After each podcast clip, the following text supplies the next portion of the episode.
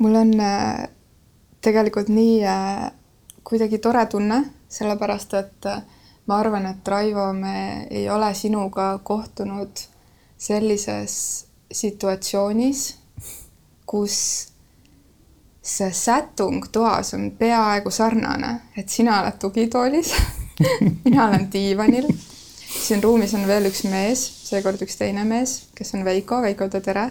tere! aga olukord on selline, kus mina ei nuta.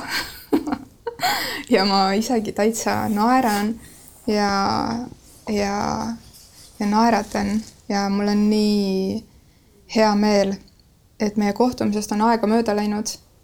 Ja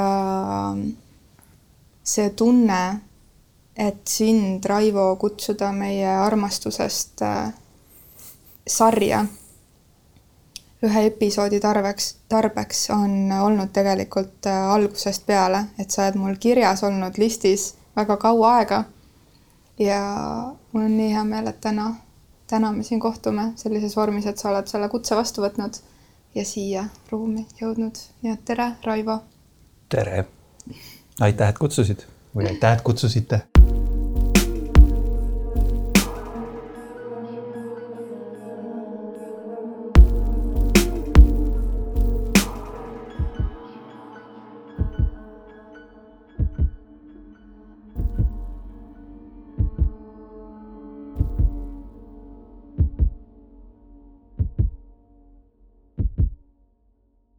ja mina olen nüüd siin mõnes mõttes nagu selle kõrvalseisja võõra mehe rollis, eks ole, et ei ole harjunud selle võõra mehega siin toas olema. aga kas võib kohe nagu lolli küsimuse, lolli kuulaja küsimuse, kes on nüüd esimene minut seda algust kuulanud mm -hmm. ja mhm. mõtleb, et mid, mid, miks Elina siis nutis seal äh, Raivo juures ja me tegelikult olekski siit ise ka edasi läinud nii, et äh, et ma ei olegi liiga palju sellest avalikult äh, rääkinud, küll aga ma olen sellest rääkinud sõprade ringis ja miks ma avalikult ei ole rääkinud, sellepärast et äh, selles situatsioonis, kus me sinuga kohtunud oleme, on olnud veel üks inimene, kes äh, võib-olla ei sooviks seda sellisel kujul lahata. aga minul on alati vabadus ja võimalus rääkida oma kogemusest. nii et äh, Raivo, meie kohtusime siis, kui minu abielu oli omadega sealmaal, et ma tundsin, et et ma ei taha sellest suhtest äh, välja astuda uisapäisa, ma nagunii poleks seda teinud, aga ma ei tahtnud sellest välja astuda nõnda, et ma ei ole kelleltki, kes on oma ala professionaal ja keegi, kes on tark kõrvalvaataja, kõrvalseisja, peegeldaja, nõuandja, kellega koos mingisuguseid äh, mustreid üle vaadata või nendesse sukelduda ja kuidagi ühe oma tuttava kaudu ma jõudsin äh, sinu kontaktini. nii et äh, ühe, ühe aasta jooksul me oleme sinuga korduvalt kohtunud ja ma arvan, et mul on tänaseni, on minu jaoks olnud see üks väga oluline periood. nii et Raivo, kui sa tutvustad ennast kui psühholoogi, siis, siis mida see mida see sinu puhul tähendab või kuidas üldse sinu elu on sinnamaale jõudnud, et, et sa teed psühholoogi tööd? ma kusjuures kõige vähem tutvustan ennast kui psühholoogi võib-olla tänases seisus kõige rohkem, äh, kuna ma olen koolipsühholoog, et võib-olla tänases kõiges seisus kõige rohkem, aga pigem äh, ma ütlen, et ma olen Raivo ja, ja ma olen paarisuhte või pereterapeut ja rõhutan, et olen ka MDFT terapeut. mis see on? mis see on? MDFT tuleb sellisest sõnast nagu multidimensional family therapy ehk siis eesti keeles siis multidimensiooniline perekonnateraapia ja hästi lihtsas keeles öeldes, et kui meil on neli dimensiooni, siis pereterapeut töötab selle esimesega, mis on see noor, see tuluka, kes peres põlema lööb, eks ju, peresüsteemi või terve selle süsteemi nii-öelda mingisuguse mure või probleemi tõttu, siis pereterapeudina ma töötan ka tema vanematega, töötan ka terve perega, ehk siis õdede-vendade, võib-olla vanemate vanaisadega. ja neljas dimensioon on siis see, kus tulevad juurde ka lastekaitsetöötajad, õpetajad, naabrid, kogu see pott, kes tegelikult seda peresüsteemi mõjutab et see on selline viimane minu, minu, minu väljaõpe. Need, see tähekombinatsioon, mida sa just praegu kirjeldasid, ma mäletan, et või mida ma mäletan, ma tänaseni tegelikult annan sinu kontakti, ma arvan, et ma ei liialda, kuus paar korda edasi. Ja ma tahaks, ma tahaks olla situatsioonis või elada maailmas, kus ma seda tegema ei peaks. aga jumal tänatud, et mul on võimalus seda teha, nii et pärast minu ja sinu nii-öelda töökogemust või, või seda harutamist või peegeldamist ma tõesti nende aastate jooksul, mis siia vahele on jäänud, olen saanud sind soovitada ja naljakas on siis see, et see tähekombinatsioon, mida sa selgitasid siis kui keegi on küsinud, et, et mis terapeut või mis psühholoog ta siis on, siis ma olen, et no mingi MDMA või mingisugune mingid, mingid YMCA, mingid tähed seal on, aga mina täpselt seda ei tea, mul on lihtsalt nagu see, see tunne, et, et, et, et, et proovige, et proovige Raivoga ka, et mitte keegi ei tohi enne millestki loobuda või suhtest välja astuda või kuidagi nagu alla anda, kui, kui nad ei ole Raivoga kohtunud. see on nagu minu mingi sihuke peegeldus mingitele inimestele olnud. nii et jaa, aitäh, et sa selle tähekombinatsiooni lahti selgitasid, sest et see on nagu tõesti, millega ma olen siin räppinud ja ma absoluutselt nagu ei mäletanud, mis see täpselt oli mm. -hmm. et minu jaoks on lihtsalt oluline olnud kuidagi see mingi inimlikkus või mingi selline mm, usaldus. et, et ja seda ma olen sinuga kogenud, aga millal ühe mehe elus tekib selline küpsus või tunne või, või mis see on, mis, mis viib ühte inimest, ühte meest õppima äh, nõustamist, teraapialist, psühholoogilist no ma arvan, minu, minu puhul see käis niimoodi nagu sammhaaval. et äh, ma hästi pikalt toimetasin hoopis panganduses ja kindlustuses äh,. sellest nii-öelda ja, ja erinevate ettevõtete osakondade ja müügi ja turunduse juhina ja nii edasi. ma ühel hetkel sain kuidagi aru, et äh, et mind see raha teema nagu väga üldse ei huvita. et mind huvitavad hoopis need inimesed seal nende suhete taga mis võib-olla ka seda raha toodavad ja kõik igasuguseid muid asju toodavad. ja, ja siis äh, oli ühel hetkel selline olukord, kus me lõime eralasteaia, teadmata väga palju lastest või, või, või noh, meil oli oma laps, äh, tookord oli meie esimesest suhtest, ma olen ka teises suhtes praegu, oli laps sündinud ja tegime eralasteaia ja siis, siis ma lihtsalt hakkasin ahmima seda kõike, mis oli vaja lastega seoses, oli vaja lastevanematega seoses õppida. ja hakkasin ka praktiliselt tööd tegema, ma olen ise lasteaiarühmas töötanud kaks aastat õpetajana, kõige väiksemad olid kümnekuused. Wow.. et ja, ja, ja, ja tean, mida lasteaiaõpetaja töö tähendab, et tean, mida tähendab neliteist last korraga magama panna ja, ja nendega õues toimetada ja, ja kuidas rühmas toimetada ja hakkasin nii-öelda sellisest äh, täitsa juhuslikult, aga hakkasin pihta sellest nii-öelda kõige basic esimesest tasemest, sellest kõige väiksemast inimesest ja nii sealt tulid nii-öelda edasi loogilised sammud, et ühel hetkel hakkasid mulle lapsevanemad rühmas rääkima, et kuule, täitsa mõistlikku juttu räägid, et aga me saame aru, et tegelikult nüüd on probleem hoopis meis, mitte selles väikses lapses siin rühmas, et kas sa sellega ka tegeled? Ja noh, sellel hetkel ma ütlesin, et sellega ma veel ei tegele, aga ma siis hakkasin uurima. ja, ja siis sai minust Gordoni perekooli koolitaja.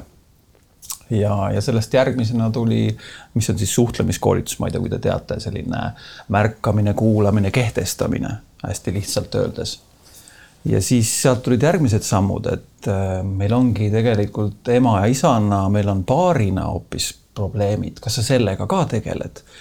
Et noh, esimene oli see, et mul on lapsevanemana lapsega äh, mured, et äh, kas sa sellega ka tegeled ja siis teine oli see, et meil on paarina.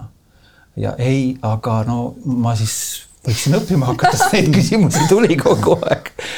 sest see noh, alguses oli see soov abistada, selline pigem alateadlik soov ka iseennast abistada erinevates suhetes, kas oma vanematega, oma laste, oma lapsega, oma paari suhtes, eks ju aga mida edasi, seda rohkem ma sain aru, et kui ma olen abistaja ja ma ise ei oska abi küsida, siis ma olen kohe läbi kukkunud esimesest hetkest peale, kui ma lähen abistama.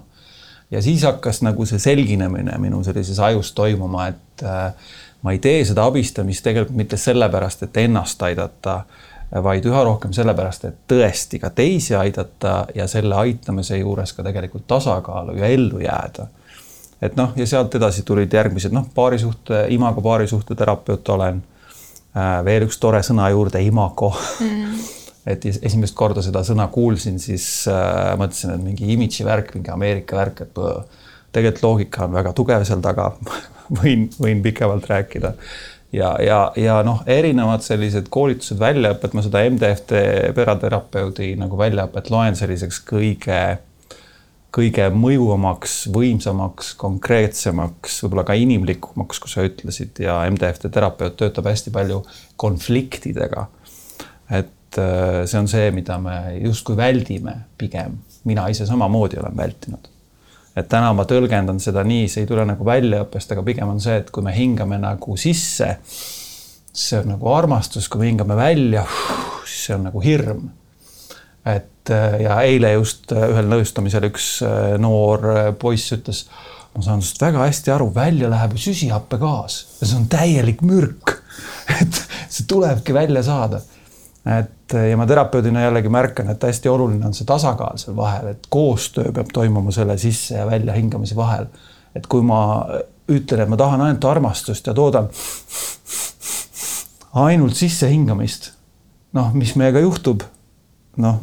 me läheme lõhki. me läheme lõhki või teistpidi, et äh, ma kuidagi tahan oh, selle vihaga ainult tegeleda. panen ainult välja kogu aeg, mis meiega juhtub. noh, me lihtsalt ei, ei toimeta enam ühel hetkel. ehk siis see koostöö, tasakaal hingamise vahel on minu jaoks selline nagu basic näide. et mis, mis ka teraapias või inimeste abistamisel, iseenda abistamisel samamoodi, äh, millest ma lähtun et minul on näiteks samamoodi oma superviisor. tänasel hetkel on mul superviisor Saksamaal, näiteks MDFT tööst tööd tehes olid meil Eesti superviisorid, aga ka Šveitsi ja Hollandi superviisorid. et mul on täna superviisor Saksamaal, et kui mina tunnen, et miski nõustamisel mõjutab mind nii, et ma hakkan seda tasakaalu kuidagi kaotama oma mingisuguste nii-öelda Äh, mineviku peresündmuste tõttu näiteks, mis ei pea olema hullult traagilised, võivad olla ka sellised väga lihtsad, aga mind mõjutavad võib-olla traagiliselt, eks ju. et siis mina pöördun samamoodi selle superviisori poole ja tema aitab mul seda asja mõtestada samamoodi nagu mina mõtestan seda paaridega, peredega individuaalselt. kui tihti sa oled seda võimalust kasutanud? Äh, no selline kord paar aastas äh, ja noh, sõltubki, pigem harva, pigem harva, eriti viimastel aastatel pigem harva. aga meil on väga hea kontakt selle mehega ja, ja, ja, ja mõnikord piisab ka näiteks sellest, et see, see nii-öelda supervisiooni struktuur on ju pigem teada ja sarnane et mina saan sinna täiega nii-öelda nagu iseendana sisse minna, ma ei pea mõtlema, et kuidas paistab parajasti inimestele, keda ma nõustan, eks ju. et ma võin seal nagu täiega nutma hakata. et äh, kohtumisel mul võib ka pisar silma tulla ja ma võin öelda, et vaata, kuidas see positiivselt või mõjutas mind praegu, eks ju. aga kui ma kohtumisel terapeudina hakkaksin nagu lahistades nutma ja kukuksin põrandale maha, eks ju, siis tõenäoliselt ma ei toetaks enam neid kliente, vaid nemad hakkaksid võib-olla mind toetama, on ju aga kas neid et... Äh, lugusid, kus pisar silma tuleb, ikka jagub või? sa mõtled mul just terapeudina? jah äh,. või kas see ja pisar... jagub, mis mõttes jagub? ei, ma mõtlen, kas see pisar äh, tuleb äh, sul nagu enda pärast või nende pärast äh,?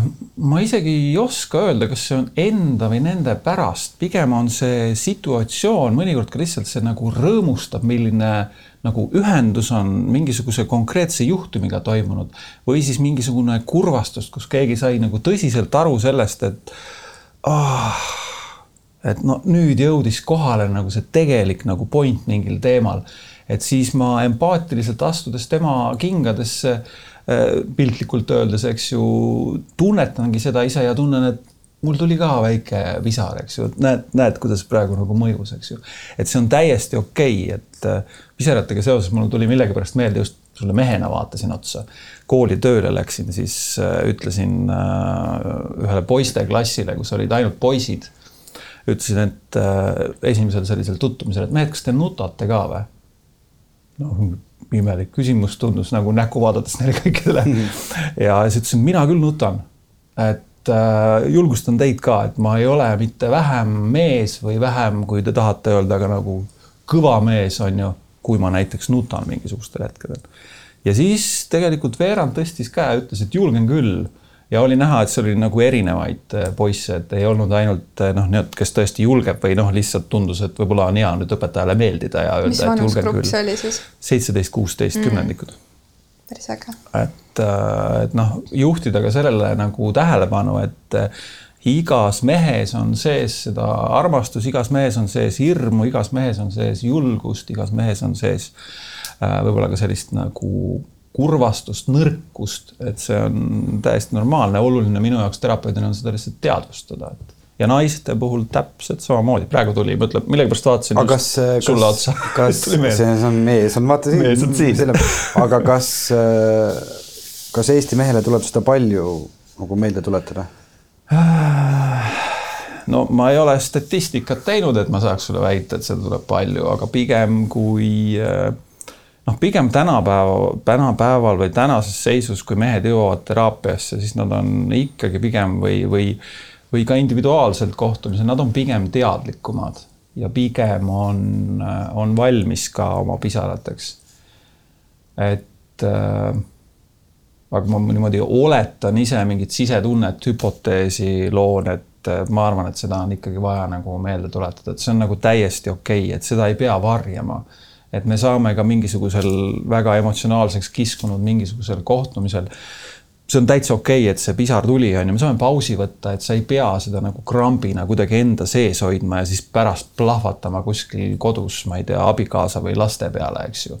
vahet pole, on see mees või naine, eks ju.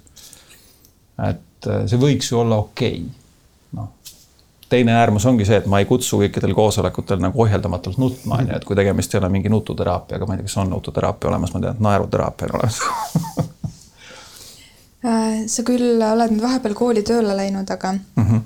kui, äh, kuidas sa hindad äh, praegu seda meie rahva seisundit, nii palju, kui sa oled inimesi näinud, et mm -hmm. kus see on ju ikkagi mingi läbilõige, mis äh, kas saaks välja tuua mingi, mingi üks, kaks, kolm mingit teemat, mis kuidagi nagu alati läbi tulevad või, või mis on see, mis muredega enamasti tullakse või mm -hmm. mis on need, milleni nagu jõutakse põhjuse mõttes äh,? no ma tahtsin öelda jah, lisaks, et see, et ma praegu töötan koolis, ma töötan tegelikult koolis alates märtsist ehk siis siis, kui meie koroonaaeg just pihta hakkas. ma läksin tööle niimoodi, et kool pandi kinni ja mina läksin järgmisel nädalal tööle.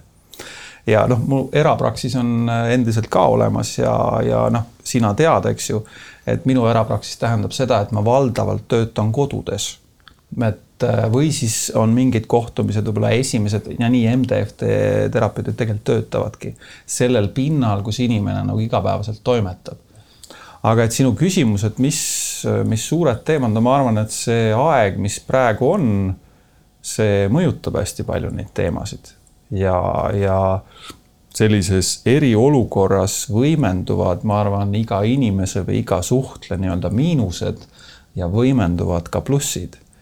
Et äh, lihtsalt sõltub, mis nüüd võimenduma hakkab, see, see lakmus eriolukord on nagu päris hea selleks. noh, kui niimoodi vaadata natukene võib-olla karmilt nagu terapeudile kõrvalt, et see on päris hea, et seda jälgida. Noh, et see võib kõlada natukene, kuidas ma ütlen mm,, mitte väga empaatiliselt. et ja samas jälle terapeudina ma märkan niimoodi kõrvalt neid asju ja suures pildis ma mõtleks praegu seda, et on, et kui ma tõin siin selle sissehingamise ja väljahingamise ja armastuse ja viha näite, eks ju, või armastuse ja hirmu näite. et äh, mul ongi tunne, et on üks pool, kes kisub hästi jõuliselt armastuse poole ja on üks pool, kes kisub hästi jõuliselt viha poole ja, ja, ja minu lihtne sõnum ongi, et äh, tuleks leida mingisugune viis koostööks et ja see ei ole lihtne, kuid see hakkab sellest pihta, et kas, kas ma teadvustan, et, et mis on meie ühisosa. noh, mis on näiteks hingamise ühisosa, eks ju, sisse-välja hingamise. sisse-välja hingamise ühisosa on elu, elamine. et kui ma sisse ja välja ei hinga, siis ma ei ela. Ja, ja see on nii nendel ühel poolel, kes väidavad ühte, kui teisel poolel, kes väidavad teist. Nad mõlemad tahavad elada. ja kui ma arvan ka mõlema poole käest küsida, et räägi mulle, kui sa nüüd noh oled vähegi lähedase või usaldusväärse inimesega, et, et kas sa, kas sul on ligimese armastus, kas sa oskad empaatiliselt nagu teise kingadesse ennast seada. et kui ta räägib seda usaldusväärse inimesega, siis ta ütleb, et on jaa, absoluutselt. Noh, kui ei ole, siis on tõenäoliselt tegemist psühhopaadiga aga enamus inimesi ei ole nagu psühhopaadid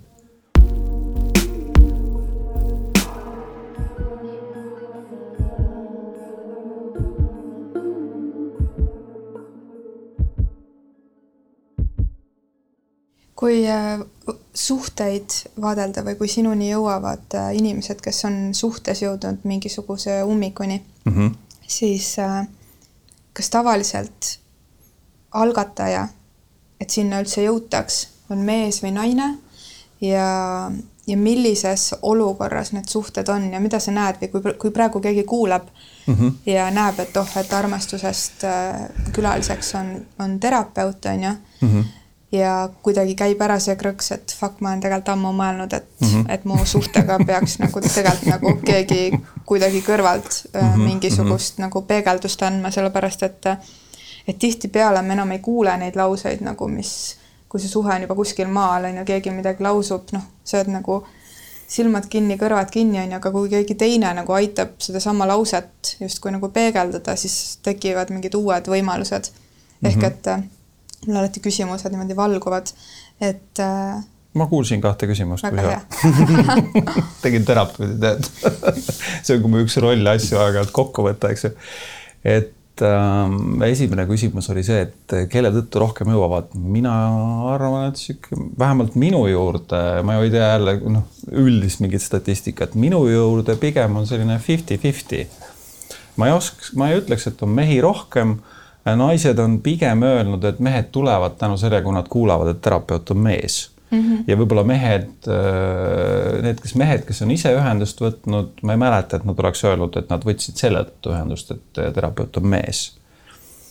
et äh, noh, fifty-fifty minu puhul siis.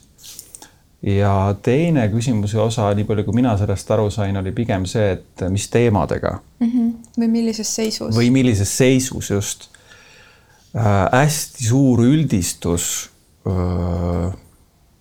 niimoodi kaks mõtet tuli, et äh, on ühed, kes on juba väga raskes seisus, noh, tõeliselt raskes seisus ja teised, kes on pigem üllatavalt kerges seisus. et äh, ja vahepealseid on pigem vähem mm. ja teine mõte, mis tuli äh, sind kuulates just seda küsimust, et äh, viimase kuidagi nädala jooksul sõnastasin seda nagu enda jaoks ühe hoopis teise näitega seoses, et tullakse kahe eesmärgiga. Äh, mõlemad siis paarilised, kui nad tulevad, üks eesmärk on see, et Raivo, palun tõesta sellele teisele, et tema on põõmakas nii-öelda mm. kõikides nendes asjades süüdi, mis meiega toimub. see on nagu üks eesmärk mõlemal, kui nad tulevad. ja teine eesmärk on see, et, et Raivo kui ma nüüd isegi ühel hetkel aru saan, et äh, noh, mul on ka ikka mingid teemad, mida on vaja muuta, siis ma muutun pärast seda, kui tema enne muutub. Hmm.. et noh, kaks sellist nagu teemat, mida ma märkan. et äh, varem ma ei ole tänu MDFT taustale, kui ma rohkem konfliktiga töötan, siis ma olen nagu seda rohkem teadvustanud ja suhtel, suhteliselt varakult seda noh, tänases seisus, kui ma töötan, inimestele ütlen et ma märkan seda, kas, kas te ka märkate? või kolmas asi, mida ma ütlen, noh, esimesed kaks teemat, see ei olnud su küsimus, aga mis mul praegu nagu endal korraks mingi sutskas, on see, et ma ütlen, et, et terapeudina ma olen manipulaator. et kas te oskate sellega arvestada? et ma olen inimmanipulaator, ma hakkan teiega manipuleerima, kas te olete valmis selleks? Ja siis nagu noh, alguses on. väike kõhedus on, eks ju. ja siis ma toon nagu sellise näide, et näite, et äh, kui te lähete hambaarsti juurde, hammas valutab, auk on sees, eks ju. hambaarst ju hakkab teie hambaga manipuleerima, lapib ta ära, teeb augu, puhastab, võtab igast asju välja, onju. ja siis, kui te lähete hambaarsti juurde, hambaarst ütleb, ütleb teile, et tee suu lahti mm. -mm. ei tee, hoiad suud kinni. mis sellel hambaarstil siis teha on? Et äh, loomulikult noh, mingi põhjus on, siis on seal võib ollagi sügav psühholoogiline põhjus, miks seda suud lahti, eriti kui laste peale mõelda, onju aga, aga terapeudi puhul samamoodi, et et minu eesmärk ongi manipuleerida, saada aru, mis teiega toimub, tõsta see asi, mis muidu on vaiba alla peidetud, eks ju, tõsta see välja, sorkida seal sees, on ju, panna ta vahepeal tagasi, võib-olla nutta selle üle, mida me avastasime, eks ju, võib-olla midagi saame ära puhastada, midagi on sunnitud tagasi minema et võib-olla midagi me otsustame mitte kunagi puhastada, las ta olgu, aga me suudame teda nagu loona võtta, et ta ei ela meis enam kaasa. et see on igal juhul manipuleerimine ja siis järgmine küsimus ongi see, et, et manipuleerib ju ka psühhopaat. mis vahe on psühholoogil ja psühhopaadil, mis te arvate? hästi suur vahe hästi lihtne ka. sul on see, sul on see vastus. üks saab olla no, ka paberiteta ütle. üks saab olla ka paberiteta. üks saab olla ka mõlemad võivad olla paberitega. hästi suur erinevus on hästi lihtne, loogiline tegelikult, kui te hakkate mõtlema, nii kui ma vihje teile annan, nii kindlasti teile. mul tekib lihtsalt mõttekramps, kui koolis küsiti, mis on selle ja selle vahe, siis ma nagu kohe. ei no tegelikult me ju teame, mis vahe on, aga lihtsalt no. mida praegu nagu justkui kosta vahe on eesmärgis. ühe eesmärk on teha kõik iseenda jaoks. teise eesmärk manipuleerides on teha teise või teiste jaoks. et ja see on nagu mäekõrgune vahe. ma tulen korra ja. selle juurde, sa ütlesid, et inimesed jõuavad sinu juurde tavaliselt, kas see on nüüd minu sõnastus, liiga hilja või liiga vara ei, ta tegelikult või noh, ütleme mingis seisus, mingis väga raskes. pigem raskemas seisus. või liiga kerges, kas on nagu siis... nagu mingisugune sest liiga, ta, ta, ta on selles mõttes õige hetk on igal juhul. see liiga ütleb minu jaoks natukene seda, et nagu see, see ei ole nagu õige või okay. see on õige igal juhul. aga kas on mingi hetk, mida või no ütleme, mingi, mingi, ma ei ütle, et see sõna nipp on mm, -hmm. aga et kuidas mina aru saan, et nüüd on õige hetk, kus mul on vaja see samm teha kas sa oskad anda mingisugust juhendit või see on ikka inimene peab selle ise ära tundma ma arvan, et see on abi küsimine. et et äh, iga inimene niikuinii otsustab, ütlen ma selle või nippi või ei ütle, iga inimene ise otsustab, et ma nüüd lähen küsin abi.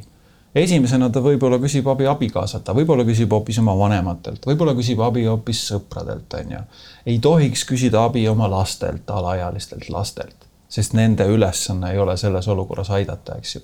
et seda küsida, palun too mulle vett, on okei okay aga mul on emaga nii raske, ma ei tea, mida ka temaga teha, on ju, või vastupidi, isaga, on ju, see ei ole okei okay, küsida lapselt abi, on ju.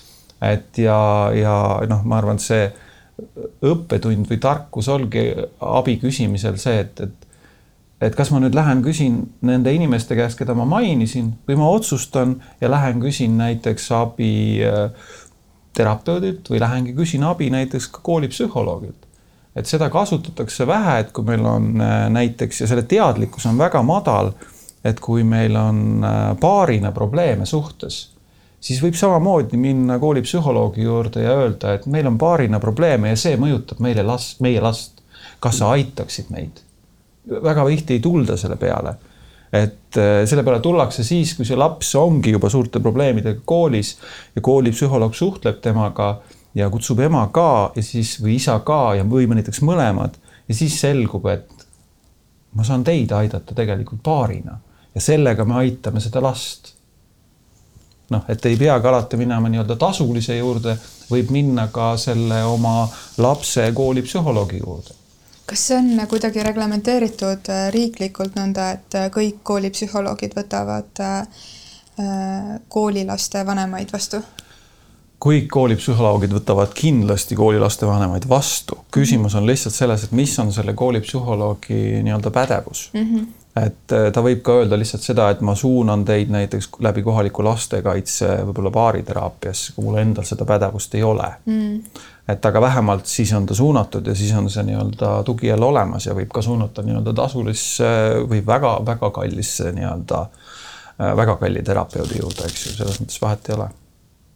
Kui ma mõtlen äh, tagasi kuidagi oma põhikooli aega, mul tegelikult ei tule põhikoolis meelde, et meil oleks koolis psühholoog olnud, aga küll oli meil psühholoog gümnaasiumi, gümnaasiumis. ja ma ütlen nüüd midagi nagu väga kuidagi puist, aga minu meelest see probleem on kuidagi selles, et, et kui koolipsühholoog ei ole äge inimene mm, -hmm. et siis on nõme sinna minna. või kuidagi, et kui nad on nagu mingid, mingid justkui on mingid üldistavad stereotüübid, mingi noomiv tädi või keegi nagu niisugune nagu noh, kellega sa ei taha isegi nagu sööklajärjekorras kõrvuti seista, onju, mhm, mhm, siis mhm. ei ole cool minna ka nagu mm -hmm. sinna või see on kuidagi nagu noh, pigem see on nagu häbistav mm. -hmm. et ma ei tea, mul on täna väga vähe kooliealisi siukseid sõpru või, või, või sõpru, kelle lapsed on nagu kuidagi põhikoolis, keskkoolis, et ma ei tea, mis see seis täna on mm. -hmm. nii et, et ma mäletan küll gümnaasiumi ajast, et see ei olnud väga äge nagu see psühholoog, et see ikkagi tundus, et keegi on hull või mm -hmm. nagu, mis tal viga on või mingi sihuke asi. kas see on täna ka nii? Noh, eks see, ma arvan, on sellis-, sõltub sellisest ühiskonna seisust parajasti, eks ju. Mm -hmm.. ma arvan, et on ka selliseid inimesi suure tõenäosusega täna, suure tõenäosusega sõltub ka vaatajate silmadest et mõnele võib mõjuda selline nii-öelda range inimene just turvaliselt, eks ju, ja teisele võib just vastupidi mõjuda, et seda nagu nii ei saa öelda. aga vaadates, kus ajast ma arvan, me tuleme ja et pigem psühholoog on nii-öelda terapeut või mis iganes, ta on selline nagu hulluarst, eks ju, mina ju ei ole ju hull, et et ja siis ongi natukene see tempel, et ma lähengi siis, kui ma olen juba piisavalt hull ja noh, see on see näide, et või kui meil on piisavalt hull, noh, siis ma nagu saan nagu õigustada seda jutumärkides nagu tuttavate ees, et te ju ka näete, et meil on väga hull, on ju. nüüd ma siis võin öelda, et me käime terapeudi juures, on ju. et sellest ajast me paraku tuleme või sellisest nagu välistamisest. ja, ja, ja pigem ma täna näen, et mõnikord kuna me sellest ajast tuleme, siis võin mingite kolleegide suhtes olla pigem, pigem nagu kriitiline või selliste abiga, abistajate suhtes üleüldse. et abistajad ei küsi ise abi. et ja nagu ma ütlesin, et kui abistaja ei küsi ise abi, minu põhimõttes ma olen juba ette läbi kukkunud. Et ja sealt hakkab kõik pihta et kui, kui abistaja ise ei küsi abi ja nii-öelda kliendid, kas koolis või kuskil mujal, eks ju näevad, et näed, andis nõu küll, no vaata, mis ta ise teeb. on ju. et äh, sellises olukorras ei suutnud rahulikuks jääda, eks ju. et äh, no ja nii edasi ja nii edasi, on ju, ja siis see mõjutab kindlasti, et seda usaldust ei teki. Et ja, ja mõnikord võib ka noh, mitte usaldust tekkida sellest näiteks, kui, kui kui terapeudi, psühholoog ei aidanud, eks ju, just selle inimese soove nagu silmas pidades noh, ja siis ta ütlebki seda lihtsalt edasi, et ei, ta ei aidanud mind. noh, ja siis nii on mm. -hmm. et, et minu eesmärk äh, nii-öelda töötades on just see, et, et oleks selline lõpetatus ja noh, algusest peale oleks teada, et mõlemad pooled vastutavad iseenda eest. noh, kui me räägime paari suhtes näiteks ja et kui otsus tehakse, siis see on selline teadlik otsus. et, et on see siis koos või lahus, eks ju et see on hästi oluline, sellepärast et äh, noh, praegu tuli meelde see minu enda lause, mis mul vist Facebooki seinal on, et, et armastus ei ole mitte nii-öelda teise inimesega ühinemine, vaid armastus on läbi selle võimsa tunde iseendaks saamine. noh, mõnes mõttes nagu vabaks saamine ja siis vabatahtlikult kellegagi koos olemine Eh, kes meile veel midagi annab, aga samas me anname talle ka, et no mingisugune selline tasakaal. et see ei pea alati olema fifty-fifty, vahest annab üks rohkem, vahest annab teine rohkem, eks ju. me hoolime teineteisest. aga kui see on nagu sada-null, noh, ja permanentselt, no siis see ei ole suhe. vahest on see sõltuvussuhe. paarist suhtest edasi rääkides, kas on äh, mingi põhimure, mis eestlasi vaevab? paari suhtes just põhimure, no eestlaste kohta on eriti keeruline öelda, sellepärast ma saan öelda, ma arvan, ainult oma, oma nii-öelda klientuuri kohta et kui ma kõrvalt jälgin jah, nii-öelda seda suurt pilti. ma arvan, et põhimure on ikkagi see, et ma ei küsi abi mm. -hmm. ja ma arvan, et see on ka selline noh, selle kohta öeldakse, et ah, see kaga või noh, et selline nagu õigustus on, et aga see ongi ju eestlaslik, et peabki üksi hakkama saama, nina nii-öelda verest väljas. ja siis veel lisa on see, et ja eriti kui sa oled mees, siis sa pead üksi hakkama saama, nii et nina verest väljas. ja praegu naistega seoses mul millegipärast tuli, et aga kui sa oled naine ja ema, siis sa peadki hakkama saama. nii et nina verest väljas.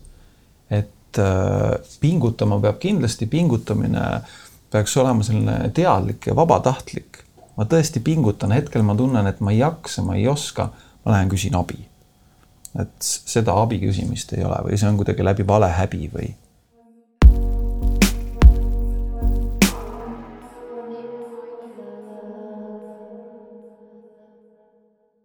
Tõnu Ots minu arust just äsja kirjutas mingisuguses artiklis.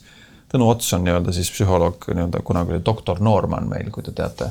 tean. sellist aega. olen kuulnud. ja minu arust hästi sõnastas nagu, et mis asi on. ma võin selles eksida, kui ma seda nüüd ümber sõnastas, aga see point, et, et üks asi on, kui klient tuleb ja tal on probleem ja teine asi, kui klient tuleb ja tal on mure.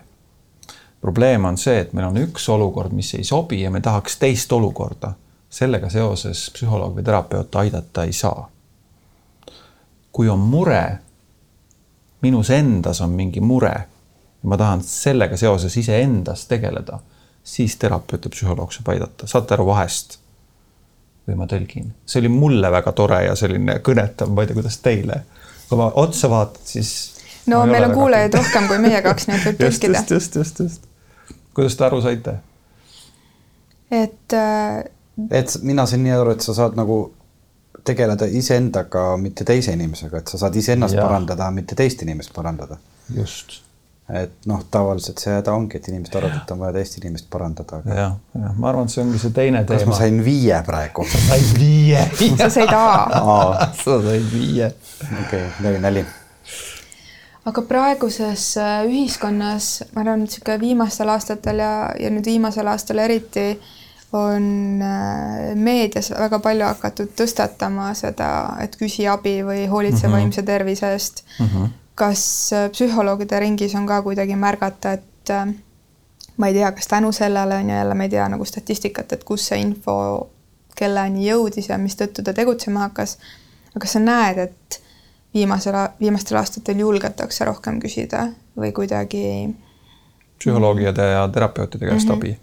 ma arvan ikka. Et äh, seda, seda, seda ma küll ei näe Äh, või ei tunneta või ei, või ei koge või ei kuule, et see kuidagi nagu väheneks, pigem vastupidi ja. ja ma arvan, et selle mõjutajad on hästi suurelt äh, lapsed. sest äh, nemad on selles mõttes nagu ja väga tore, et nad on selles mõttes süüdimatud. kui neil on häda, siis nad annavad äh, oma hädast nii-öelda võiks öelda neljal erineval moel märku et täiskasvanu tegelikult samamoodi, et see neli erinevat moodi on väga lihtsad, et äh, kui ma mm, olen hädas või ütleme isegi, kui ma käitun halvasti, siis see näitab seda, et ma olen hädas ja ma kasutan nelja tehnikat. ma otsin tähelepanu, ma otsin võimu, ma maksan kätte, noh, füüsiliselt või noh, rämedalt karjudes on ju või ma olen täiesti nagu haudvaikus, ma olen nagu kadunud nii-öelda natukene nagu küündimatu. neli sellist põhitehnikat on ja, ja, ja kui noh, seda kogeda terapeudi nagu sellest teadlik olla, siis ma kohe näen nagu, mis toimub. sest kõik need käitumised võivad olla halvad. point ongi selles, et halvasti käituv laps tunneb ennast ebakindlalt. enamasti, no mitte enamasti tegelikult, ma ei tea, kas ma võin sellist maksiimi nagu alati öelda. see on täiskasvanutega samamoodi halvasti käituv täiskasvanu tunneb ennast ebakindlalt ja valib lihtsalt kaitsereaktsiooni, mida ta oskab lihtsalt teised ei saa aru, noh, ja on raske aru saada, kui sa ei ole sellest teadlik, on ju. kõlas see kuidagi loogiliselt? kas see on ka mingi asi, mida nagu vanematele, lapsevanematele öelda, et, et see on nagu mingi üks tähelepanupunkt, et kui sa näed, et sinu laps käitub halvasti, et siis sa peaks nagu hakkama. täpselt, ta tunneb ennast ebakindlalt, see, see, see, kuidas ta käitub, on lihtsalt tema viis hakkama saada selle ebakindlusega. see on tema parim viis sellel hetkel. Nii, nii, nii nii-öelda lapsevanem lapse suhtes kui ka täiskasvanud omavahel. sest noh, aju ehitusest lähtudes, et kui äh, meie nii-öelda äh, parem ajupool, poolkera hästi suures mõttes nagu töötab kogu aeg, siis stressiolukorras hakkab vasak ajupoolkera lukustuma ja see tähendab seda, et see, mis me sinna vasakusse õppinud oleme, aga paremasse veel nii-öelda sellesse loovamasse osasse ei ole kandnud, siis meil ei ole juurdepääsu sellele infole. Me kasutame seda, mis meilt sealt paremalt välja tuleb. ehk siis kuni selleni välja, et äh, kui alla kolmeaastastel lastel nii-öelda noh, ümmarguselt, eks ju, vasak ajupoolkera veel üldse ei tööta, et ka täiskasvanu võib äärmuslikus olukorras, ma ei tea, lukustuda nii, et ta käitubki nagu kolmeaastane, võib-olla te olete selliseid näinud ka. et tundub, et vaatad inimesele otsa, see, mida ta siin ärritudes praegu teeb, no täpselt nagu üks kolmene. tuleb tuttav ette mina suudan absoluutselt, ma arvan, käituda nagu ükskõik millises eluaastas inimene. Jah, no vot. No.. ja see on puhtalt sellest, kuidas meie aju on ehitatud, eks ju. ja see näitabki sellest, et kui täiskasvanu käitub nagu ütleme siis kolmene, eks ju, siis ta on hädas. Tema on hädas, ta samamoodi valib selle käitumisviisi, mis talt lihtsalt ajust praegu välja tuleb. et see, kui ta seda märkas, siis on väga tore, siis ta saab midagi ette võtta, eks ju, vabandada või midagi, midagi, midagi teistmoodi teha, on ju. aga kui ta seda ei märka, noh, ei pruugigi isegi märgata ma arvan tegelikult, et see põhjus on just selles, et ta ei vali, vaid ta nagu randomizer'iga tuleb see nagu, mis sealt tuleb et kui, kui mina. kui ei ole teadlikkust, siis ei vali kindlasti, kui on teadlikkus, siis valib. sest et äh, ma arvan, et üks sihuke suurim klikk, mis mul on käinud nagu kuidagi sihuke viimase viie-nelja aasta peale ja on see, et, äh, et seesama valikukoht mm -hmm. nagu kõiges mm, -hmm. mida ma suhu pistan, mis ma selga panen, kellega ma kohtun mm, -hmm. aga ka selles, et äh, et kui nüüd ma olen ennast kuidagi oma valikutega jõudnud ja sätitanud sellisesse olukorda, kus keegi nagu ajab mul, justkui keegi ajab mul nii sita keema mm, -hmm. et mm -hmm. mul nagu tuleb mingi sädemeid äh, silmist välja, ma tahaks nagu täiega ust paugutada mm. -hmm. Siis äh, mul on see koht, et äh, et ma tahan, et see uksepaugutus ei vali mind, vaid et mina valin siis seda ust paugutada, et ma võtan, et kui ma nüüd otsustan, et see ukse paugutamine on parim asi, mis ma sellel hetkel saan teha mm, -hmm. siis ma tahan selle valiku teadlikult teha mm. -hmm. et äh, see on mingi sihuke oluline koht, et kui ma olen selles momendis, saan nagu sabast kinni ja mm -hmm ja tunnen, et see on mingi karjatamine või, või, või pröökamine või, või kõik mm -hmm. noh, nuttu ma ei kontrolli selles elus, ma arvan, kunagi on ju, aga mm. aga nagu mingid muud nagu äh, sellised nagu reaktsioonid, mis võivad mm -hmm. kellelegi teisele ebameeldivust tekitada mm, -hmm. et see on nagu minu valik, mitte mm, -hmm. mitte see asi ei vali mind mm. -hmm. ja see on nii kihvt ennast jälgida nendes hetkedes mm, -hmm.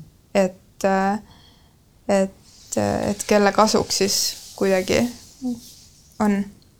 sa tõid ka minu jaoks hästi hea nagu näite, et kui me enne rääkisime manipuleerimisest, see oli manipuleerimine iseendaga. et noh, manipuleerimine on ju juhtimine, eks ju.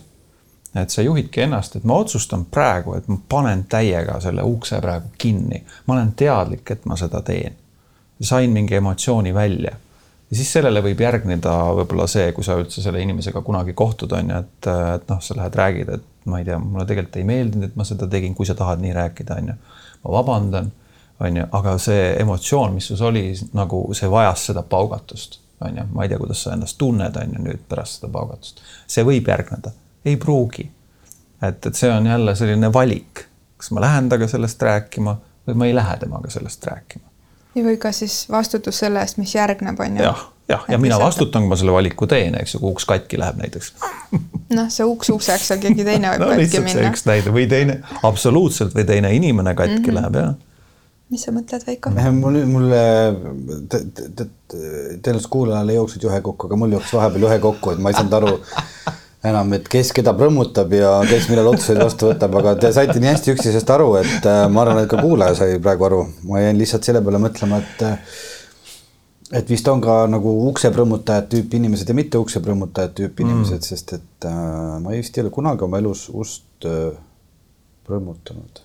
see oli ka see näide, Veiko, vaata sellest kahest valitud või neljast valitud käitumisest mm. -hmm. et prõmmutaja on see ründaja ja see vaikides äramineja on see vaikija ja noh, võimutüük oleks selles olukorras üritanud selles ruumis võimu endale üle võtta, eks ju, mingil moel on ju, mida iganes, näidates seda võimu. ja tähelepanu siis tüüp oleks mingis mõttes näidanud seda nagu tähelepanu, hakanud seal kõvasti karjuma või laulma või mida iganes. võimutüüp oleks võib-olla midagi sellist nagu öelnud, et no mul on kallim telefon ja mul on näiteks mingisugune väga hea kontakt, kellele ma võin kohe helistada, näiteks mul on politseist tuttavad sa, sa nagu neljast mm -hmm. taktika vahest saad aru, onju. paugutaja tüüp sel hetkel oleks olnud see jah, kes nii-öelda seda noh, rammu kasutab, onju. noh, et kas ründab ust või ründab inimest ja põhimõtteliselt ust rünnates ründab ju ka inimest, nagu sa ütlesid, inimene võib haiget saada. nüüd said nagu jooksis paremini kohale need ei, mul on kõik hästi okay,. mul on äh, hästi. ma jäin mõtlema selle peale siin juba varem ka, et äh, meil tegelikult selliseid suhteid, mis äh, lõpevad, on ju tänapäeva maailmas päris palju mm.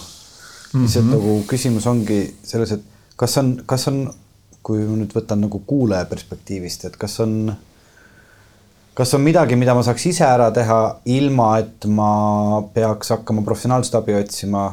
Äh, et, et ma ei peaks professionaalset abi otsima.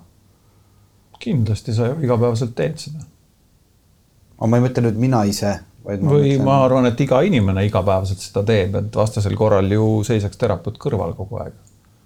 mõni, mõnikord on ka näiteks võib-olla enda näitel lihtsalt, et äh, ma ütlesin, ma kasutan ise superviisorit võib-olla üks või kaks korda aastas, eks ju, vahest mõni aasta nagu üldse mitte, on ju. et äh, ja siin, siin on see hea näide tuua, et kui ma olen ükskord näiteks terapeudi juures käinud ja ma olen mingisugusest eneseabistamise loogikast aru saanud siis ma ei pea selleks, et seda uuesti kasutama minema jälle terapeudi juurde. võib-olla võtan väikse noh, märkmiku lahti, loen paar mõtet selle kohta, on ju, ja toimetangi, oleks nagu käinud. minul näiteks superviisoriga piisab sellest, kui ma mõtlen, et kasutan seda nii-öelda abistamise struktuuri, huvitav, mida ta ütleks selles olukorras. kui mulle sellest ei piisa, siis ma annan talle teada, et kuule, mulle nüüd sellisest nagu eneseabistamisest ei piisanud, et äh, tule natukene appi, et ma ei taha siin rohkem üksi nagu puselda, onju. et ja need on need üks-kaks korda. et, äh, et see, see on võib-olla see mõte, et kui seal ükskord ära käia või noh, mul tuli nagu teine paralleel meelde, et äh, oma endiste ärimaailm, ma nagu naeran täiega et endiste ärimaailma inimestega, et äripartnerid varasemast ütlesid, et Raivo, et sa oled ikka täielik idioot sa tööd sellit-, sa teed tööd selleks, et klientidest lahti saada. noh, et mina teen tööd selle eesmärgiga, et minu kliendid saaksid iseseisvaks. mis tähendab seda, et neil ei ole vaja enam minu juurde tulla.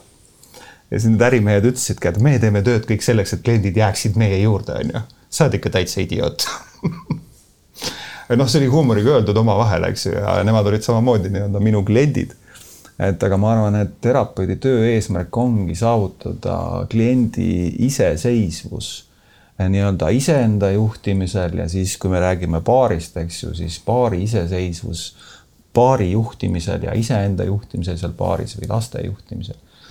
et see on, ma arvan, see nagu hästi oluline point.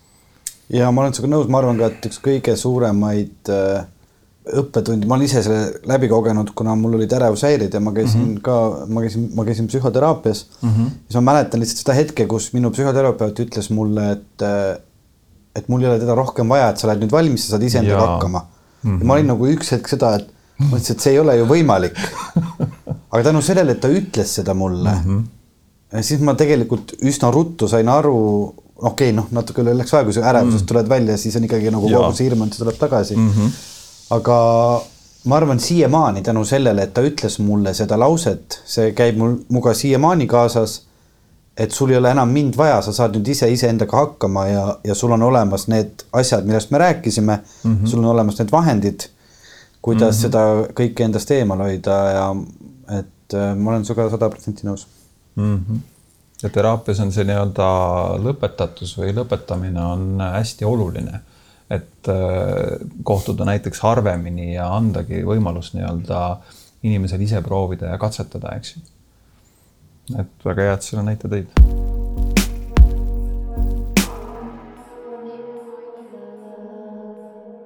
Raivo, kas sul on igapäevaselt mingeid äh, praktikaid, mis sind hoiavad tervena nii, nii seest kui väljast um,? hingan joon vett sõidan rattaga, mitte autoga uh,. kui vähegi saan, siis lähen uh, Pääsküla rabasse Äh, nii-öelda ja noh, see must on praktiliselt nagu nädalavahetus on, siis hommikul ma teen seal tunnise ringi raudselt, et ja ma ei jookse nagu mitte tempot või ei liigu nagu tempot, vaid ma liigun nagu aega ja enesetunnet.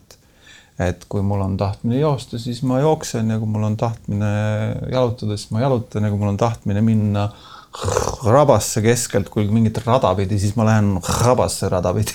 Et, et Äh, ja, ja noh, need on niisugused äh, nagu üksitegevused, millest ma praegu räägin, hästi oluline on äh, tegevused abikaasaga, hästi olulised on tegevused äh, väikse neljapoolese lapsega meil või siis seitsmeteistaastase lapsega.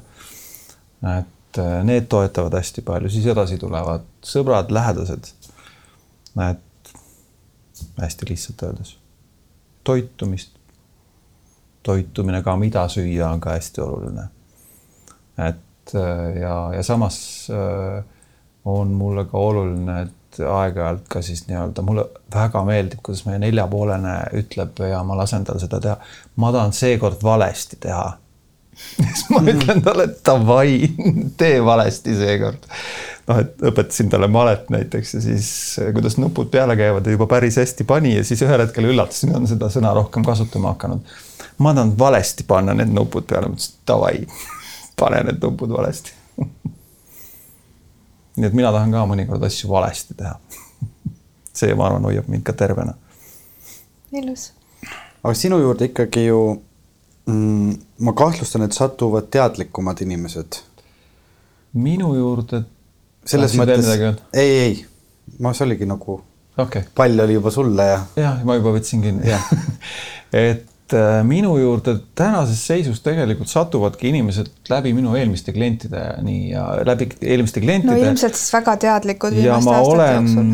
ma olengi teinud äh, nii-öelda seda väga põhimõttekindlalt selliselt, et mitte reklaamida midagi hullult ette võtta, vaid äh, et nad tulevadki juba mingisuguse ma ei oska öelda, kui teadlikult, aga nad tulevad juba mingisuguse usaldusega läbi minu eelmiste klientide ja tänu sellele on mul võimalik ka kohe neile alguses nagu öelda, ma ei tea, võib-olla juba esimesel, teisel kohtumisel, ma ütlen lihtsalt sõnumid esimesel kohtumisel, tõenäoliselt sa mäletad ka, on ju, et ma ei ole teist kummagi poolt. ma olen teievahelise suhte poolt. või et äh, tullakse kahe eesmärgiga ja siis noh, seesama need kaks eesmärki, mida ma rääkisin, eks ju, võtan kohe lauale. et äh, siis ma saan seda rohkem teha, kui see mingigi usaldus on juba olemas kui seda ei ole, siis selleks soojendamiseks võib minna nagu kauem aega, et ma kohe ära ei ehmataks. ja, ja, ja MDFT taustaga, kuna see teraapia hästi kestab äh, kuskil selline neli kuni kuus kuud, maks kaheksa kuud. et siis äh, ma terapeudina olen ka võib-olla rohkem riske võttev. et ja aeg-ajalt võin ka ebaõnnestuda, üle pingutada, tunnetan lihtsalt inimest äh, natukene äh, valesti, et ma arvan, et ma juba võin midagi rääkida, tegelikult veel ei võinud. noh, näiteks ei olnud teda piisavalt veel avanud, kontakt ei olnud piisavalt hea ja siis võib lukku minna, on ju. et äh, võtan ka selliseid riske mõnikord ja noh, võib-olla mõnikord ka eksin nende riskidega. või mitte võib-olla, kindlasti olen eksinud, tean mida see eksimine psühholoogi jaoks tähendab või kas see on nagu kas see on kliendi kaotus või kas ta tuleb tagasi või kas, kas siis tuleb mingi eraldi kohtumine, kus tuleb sellest rääkida või? Äh, kui äh, see võib tähendada ka kliendi kaotust, nii et klient läheb ära ja tagasi ei tule, seda on nagu üliharva juhtunud. et aga ma ütlen, umbes neliteist, viisteist aastat ma olen selle teemaga tegelenud erineval tasemel kindlasti, eks ju. noh, ma mõtlen just laste ja perede ja suhetega. et võib ka seda juhtuda, üliharva pigem on see, et ma saan sellest järgmisel kohtumisel aru. Äh, ja, ja mingites olukordades on mul olnud üks või kaks olukorda, kus äh, noh, ma ütlen nagu hambaarsti juures inimene on keeldunud suud lahti tegemast. ja, ja ma ütlengi, et, et selleks, et edasi minna, mina näen, et nüüd on vaja teha seda, minna suhelda näiteks sinu ema või isaga. ei, null, mitte ühtegi varianti nii-öelda ema-isaga suhtlemisest ja, ja, ja kui mingeid muid variante kuskilt ka enam ei sobi, tahaks ainult üksi, üksi, üksi noh, siis mul ongi öelda, et aga siis on minu need vahendid otsas, et kuni suu on kinni, eks ju, siis ma ei saa sinna hammaste kallale minna, on ju. et see hammaste näide on ka läbi laste tulnud selline näide, et oleks ma tookord võib-olla sellele kliendile osanud seda öelda, võib-olla ma ei oleks pidanud ütlema, et aga siis nüüd meie kohtumised lõpevad. ja mõningate selliste klientidega on ka nii, et, et nad jõuavad tagasi kas siis järgmises suhtes, kes on nagu loobunud nagu või kuidagi on pooleli jäänud, eks ju, ei ole sellist lõpetatust olnud jõuavad tagasi kas siis üksinda paar-kolm aastat hiljem või järgmises suhtes ja siis noh, hoiavad kahte pead käte vahel ja ütlevad, et sa rääkisid, Raivo, tookord ma kuulasin, ma ei uskunud, et see nii on ja nüüd ma olen kogenud seal teises suhtes, et see tõesti nii on täpselt samamoodi. Et aga tule nüüd aita siis meid nii-öelda siin selles suhtes on ju. ja no ja siis, siis ma aitan, et see on selge küsimine, hoopis teistsugune teadlikkus. kas äh, saab sellist üldistust teha, et naised räägivad rohkem, äh, kui on juba kohtumine käes ja mehed vähem või see, see ei, või sellist, sellist nii-öelda trendi ei ole, et sõltub ikkagi inimesest? Ma arvan, et sa vastasid mõlemale küsimusele, et ühest küljest saab, naised on verbaalselt oluliselt sõnaosavamad ja teisest küljest sõltub hästi palju inimesest. et ma toon siia võib-olla nagu näite, et, et noh, piltlikult öeldes mõnes olukorras on kohtumisel mees ja naine ja mul on tunne, et nende selline nagu ajusüsteemid on nagu vahetuses. et äh, noh, et see, kuidas nagu meestel pigem aju toimib või kuidas naistel pigem aju toimib, et see on nagu soo põhimõttes on nagu vahetuses. et mees ongi rohkem selline rääkima verbaalselt väga sõna, noh, verbaalselt väga sõnaosav ja naine on selline pigem, pigem siis rahulik vaikle võtab pikalt ja. räägime veel eh, suhetest, ma arvan, et see kuidagi inimesi huvitab ja puudutab mm. -hmm. et äh, üks kõige, ma arvan, et see vanus ka, kus, kus ma või me Veikoga oleme ja näeme ümberringi või see, sa korraks paotasid Veiko vahele, et et paljud suhted ju nii-öelda lähevad lahku. et äh, pikaajalised suhted ja äh, see vana hea või vana halb või vana, vana paratamatu, et kirg kaob ära mm. -hmm. Mis värk sellega on ja, ja kuidas nagu, kuidas sa oled kõrvalt näinud, et, et pikaajalises suhtes uuesti seda kirge leida omavahel mm -hmm. või, või kui palju üldse seal nagu terapeut saab aidata, sest see on ikkagi mm -hmm. nagu ka keemia kahe inimese vahel või mm, -hmm või mis? Äh, no mitu mõtet tekkis sind kuulates, üks asi on juba see hästi lihtsast asjast hakkab pihta, et äh, kuidas kirge leida, et kirge leida on üliraske, kirg tuleb luua. et äh, eesti keeles on kaks sõna leida ja luua. et kas ma loon endale midagi või meie suhtesse tagasi või ma hakkan otsima seda kuskilt, eks ju, väljapoolt, see on jälle vastutuse võtmine, et kui ma loon siis ma loon ise. kui ma leian, siis ma loodan, et see on kuskil olemas ja äkki ma komistan ta otsa mm.. Noh, et see on juba hästi suur selline noh, energeetiline vahe juba ka ja, ja nii-öelda sellises noh, pragmaatilises maailmas küsimus on lihtsalt vastutuse võtmisest. kas mina vastutan selle eest ja ma loon või vastutab keegi teine, on ju, kes selle kuhugi pani. kordan ennast praegu et äh, ja, ja noh ütleme, loogika on ju selline, et äh, kui paar kokku saab, siis, siis nii-öelda see ajukeemia on see, mis nagu kokku toob ja, ja see, kuidas alateadlikult me teineteist näeme äh, oma paarilisega ja, ja kui see ajukeemia nii-öelda endorfiinid on äh, laes, noh, me anname teineteisele nagu väga palju andeks. noh, mida me hiljem ja võib-olla järgmistes suhetes enam nii lihtsalt andeks ei anna ja kui see ajukeemia läheb üle, noh, erinevatel inimestel erinevalt seal mõnel kahe päevaga, mõnel kahe aastaga, et siis tuleb nii-öelda see töö tegemise aeg. ja seda töö tegemiseks ma nimetangi seda nii-öelda vastutuse võtmist. et me loome oma suhtes kirge. noh, ja, ja hästi tihti on vaja seda kirge luua ka sellisel hetkel, et kui sünnib esimene laps näiteks, siis see on juba peredünaamikas nagu nii suur mõjutaja, et ta võtabki hästi palju, palju ema aega ära, ta võtab hästi palju nii-öelda isa ja ema suhteaega ära, noh ja nii edasi ja nii edasi ja nii edasi.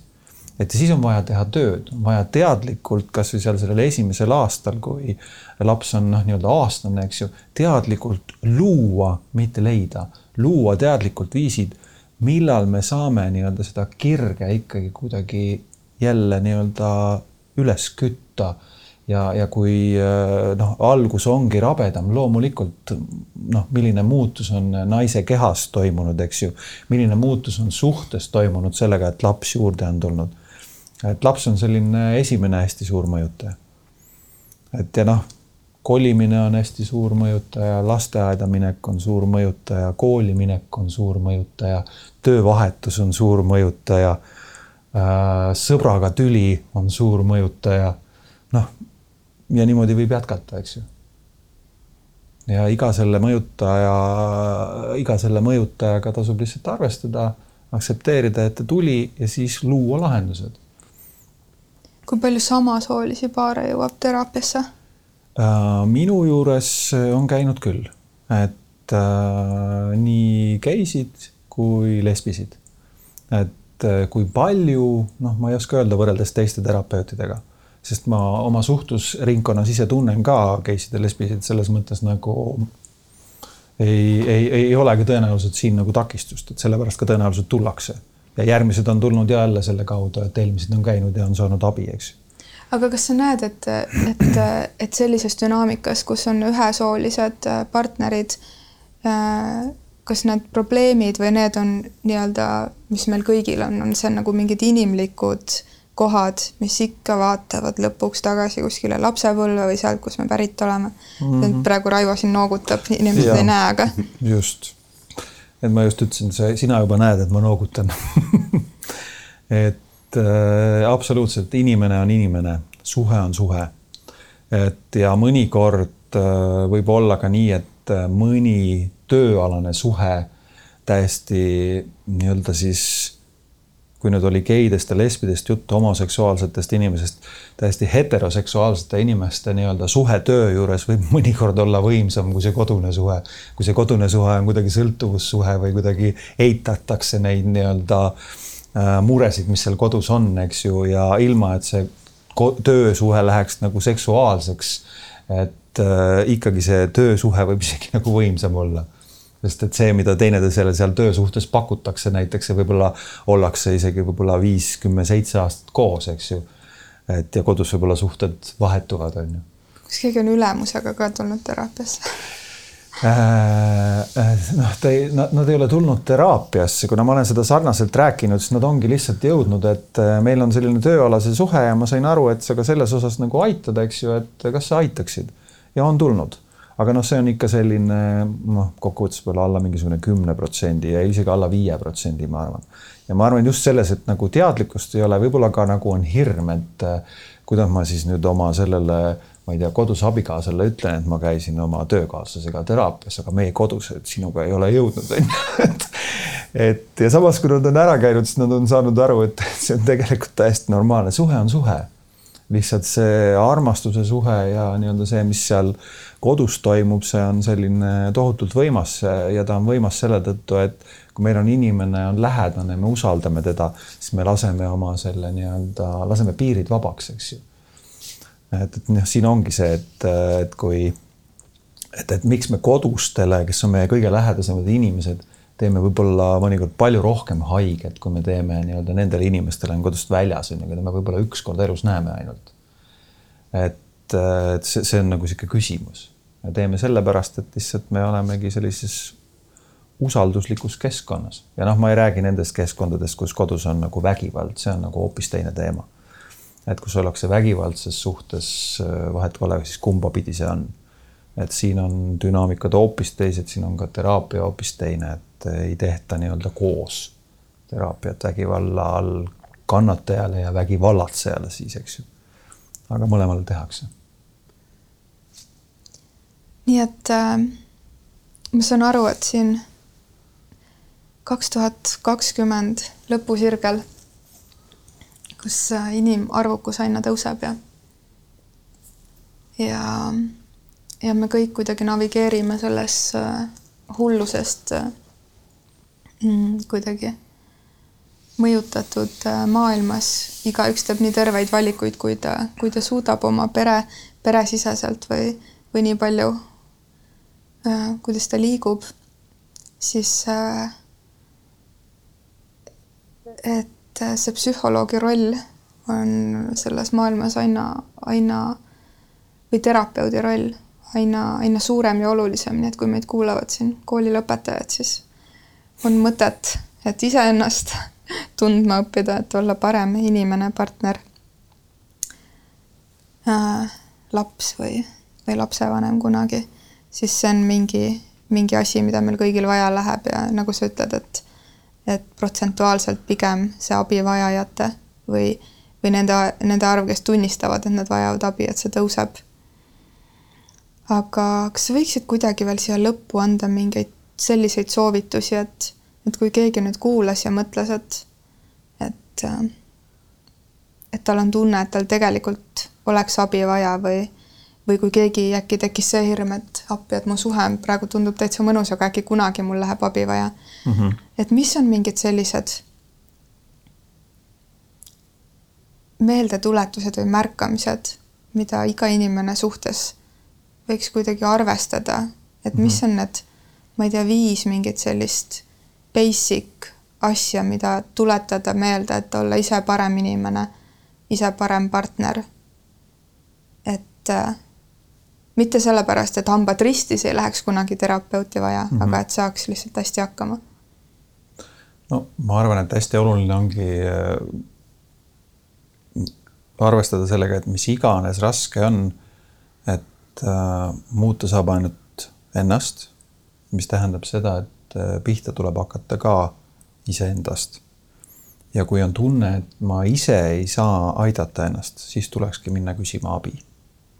et äh, ja ma ütlen, alustada võib ka sõpradest, alustada võib ka kellestki teisest.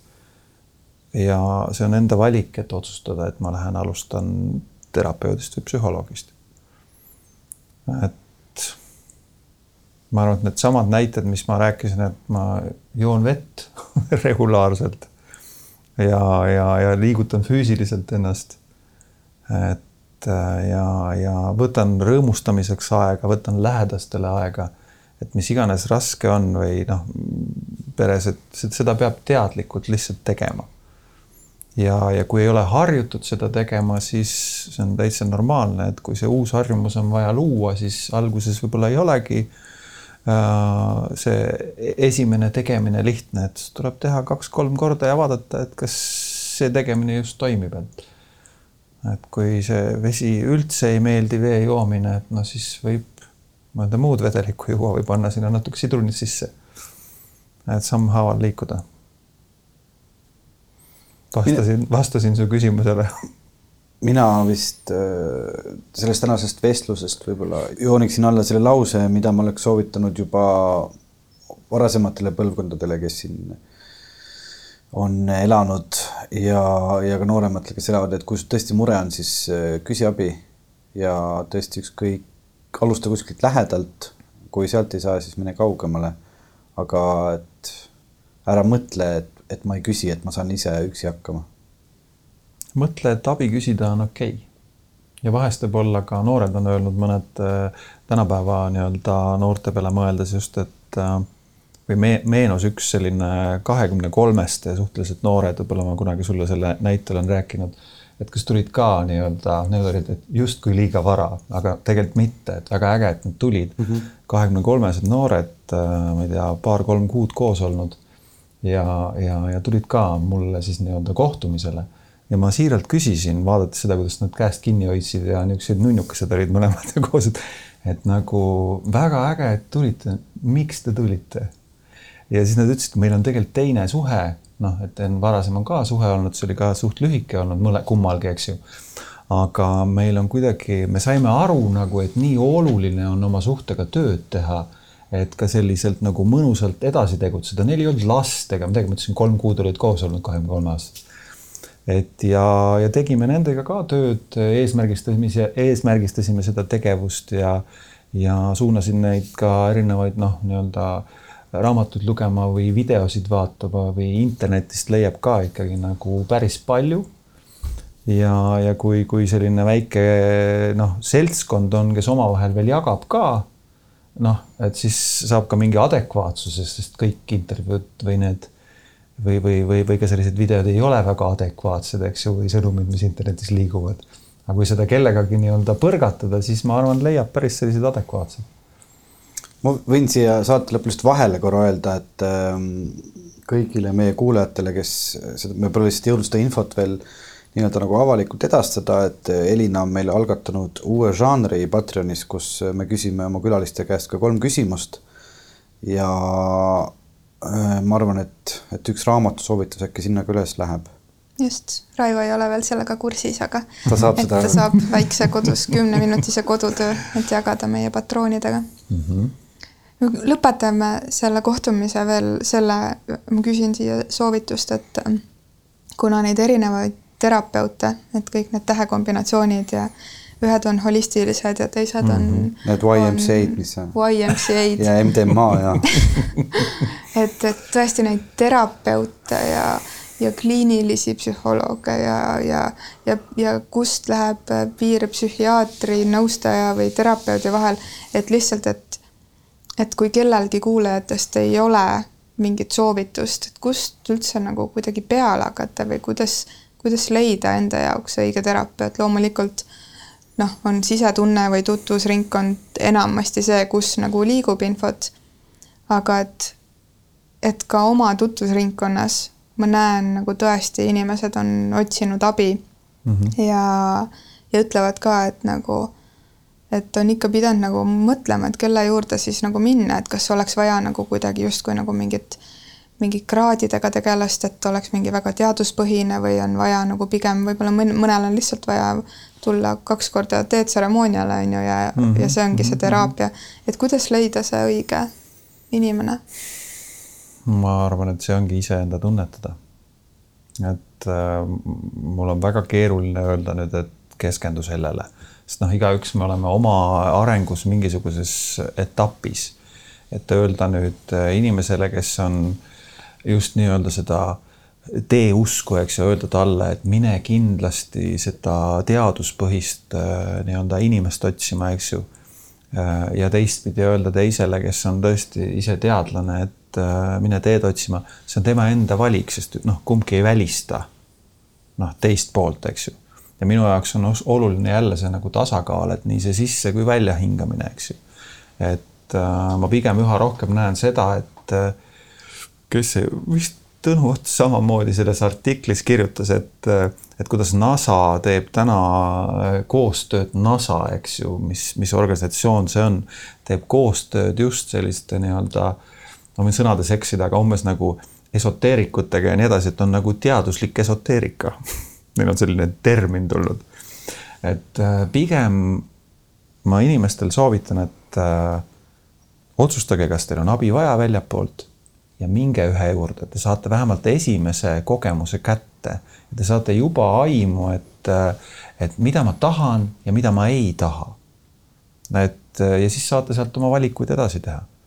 ja, ja ma arvan, et tasub ikkagi rääkida nii meestel kui naistel oma tutvusringkonnas, et ma vajan sellist abi, mis sa arvad ja kui teine ütleb, et noh, ma ei tea ja miks sa abi vajad, et noh, ma ei, sulle rohkem ei tahagi rääkida, aga äkki sa kedagi tead, kes teab et noh, selline, ma arvan, isiklike tuttavate seas selle leidmine, ma arvan, et on selline hea mõte. ja ma omalt poolt liidan siia juurde selle, et, et eh, kellel on tunne ja julgus, siis ma väga soovitan ka öelda, kui sa käid teraapias, et muuta Jah. see normaalsuseks oma tutvusringkonnas. et me kõik jagame oma juuksurite kontakte ja jagame mingeid muid, et kus on, kus poes on head puuviljad parasjagu. aga seesama, et kui me saame sellel dinner party'l sõpradega kokku, et ei arvaks, et me oleme perfektne paar, vaid äh, muuhulgas, et me tegeleme sellega ma muuseas muuhulgas arvan, et perfektne paar ongi see, kes julgeb öelda, et kas me oleme käinud teraapias või me julgeme minna, kui me tahame. minu jaoks see ongi perfektne paar, needsamad näited, need kahekümne kolmesed, eks ju. nii et lõpetame tänaseks selle, aitäh, Raivo, et sa oma rattasõidul töölt koju tegid väikse peatuse siin Telliskivi loomelinnakus, kusjuures täna on meeste, meestepäev, rahvusvaheline. me salvestame seda saadet jah, meestepäeval.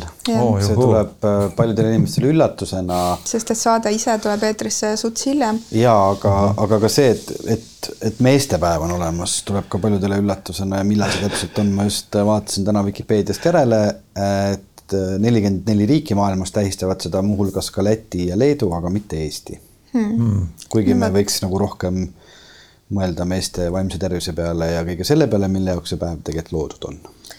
Nii et aitäh ja ma arvan, et, et see mõte, et kui sa tunned, et ei saa ise hakkama ükskõik millises olukorras, siis tee paar hingetõmmet ja, ja kui saad aru, et jah, õige on abi küsida, siis tee seda. ja kui raba ei aita ja klaas vett ei aita, siis tõesti küsi abi. aitäh, aitäh. aitäh, head aega head aega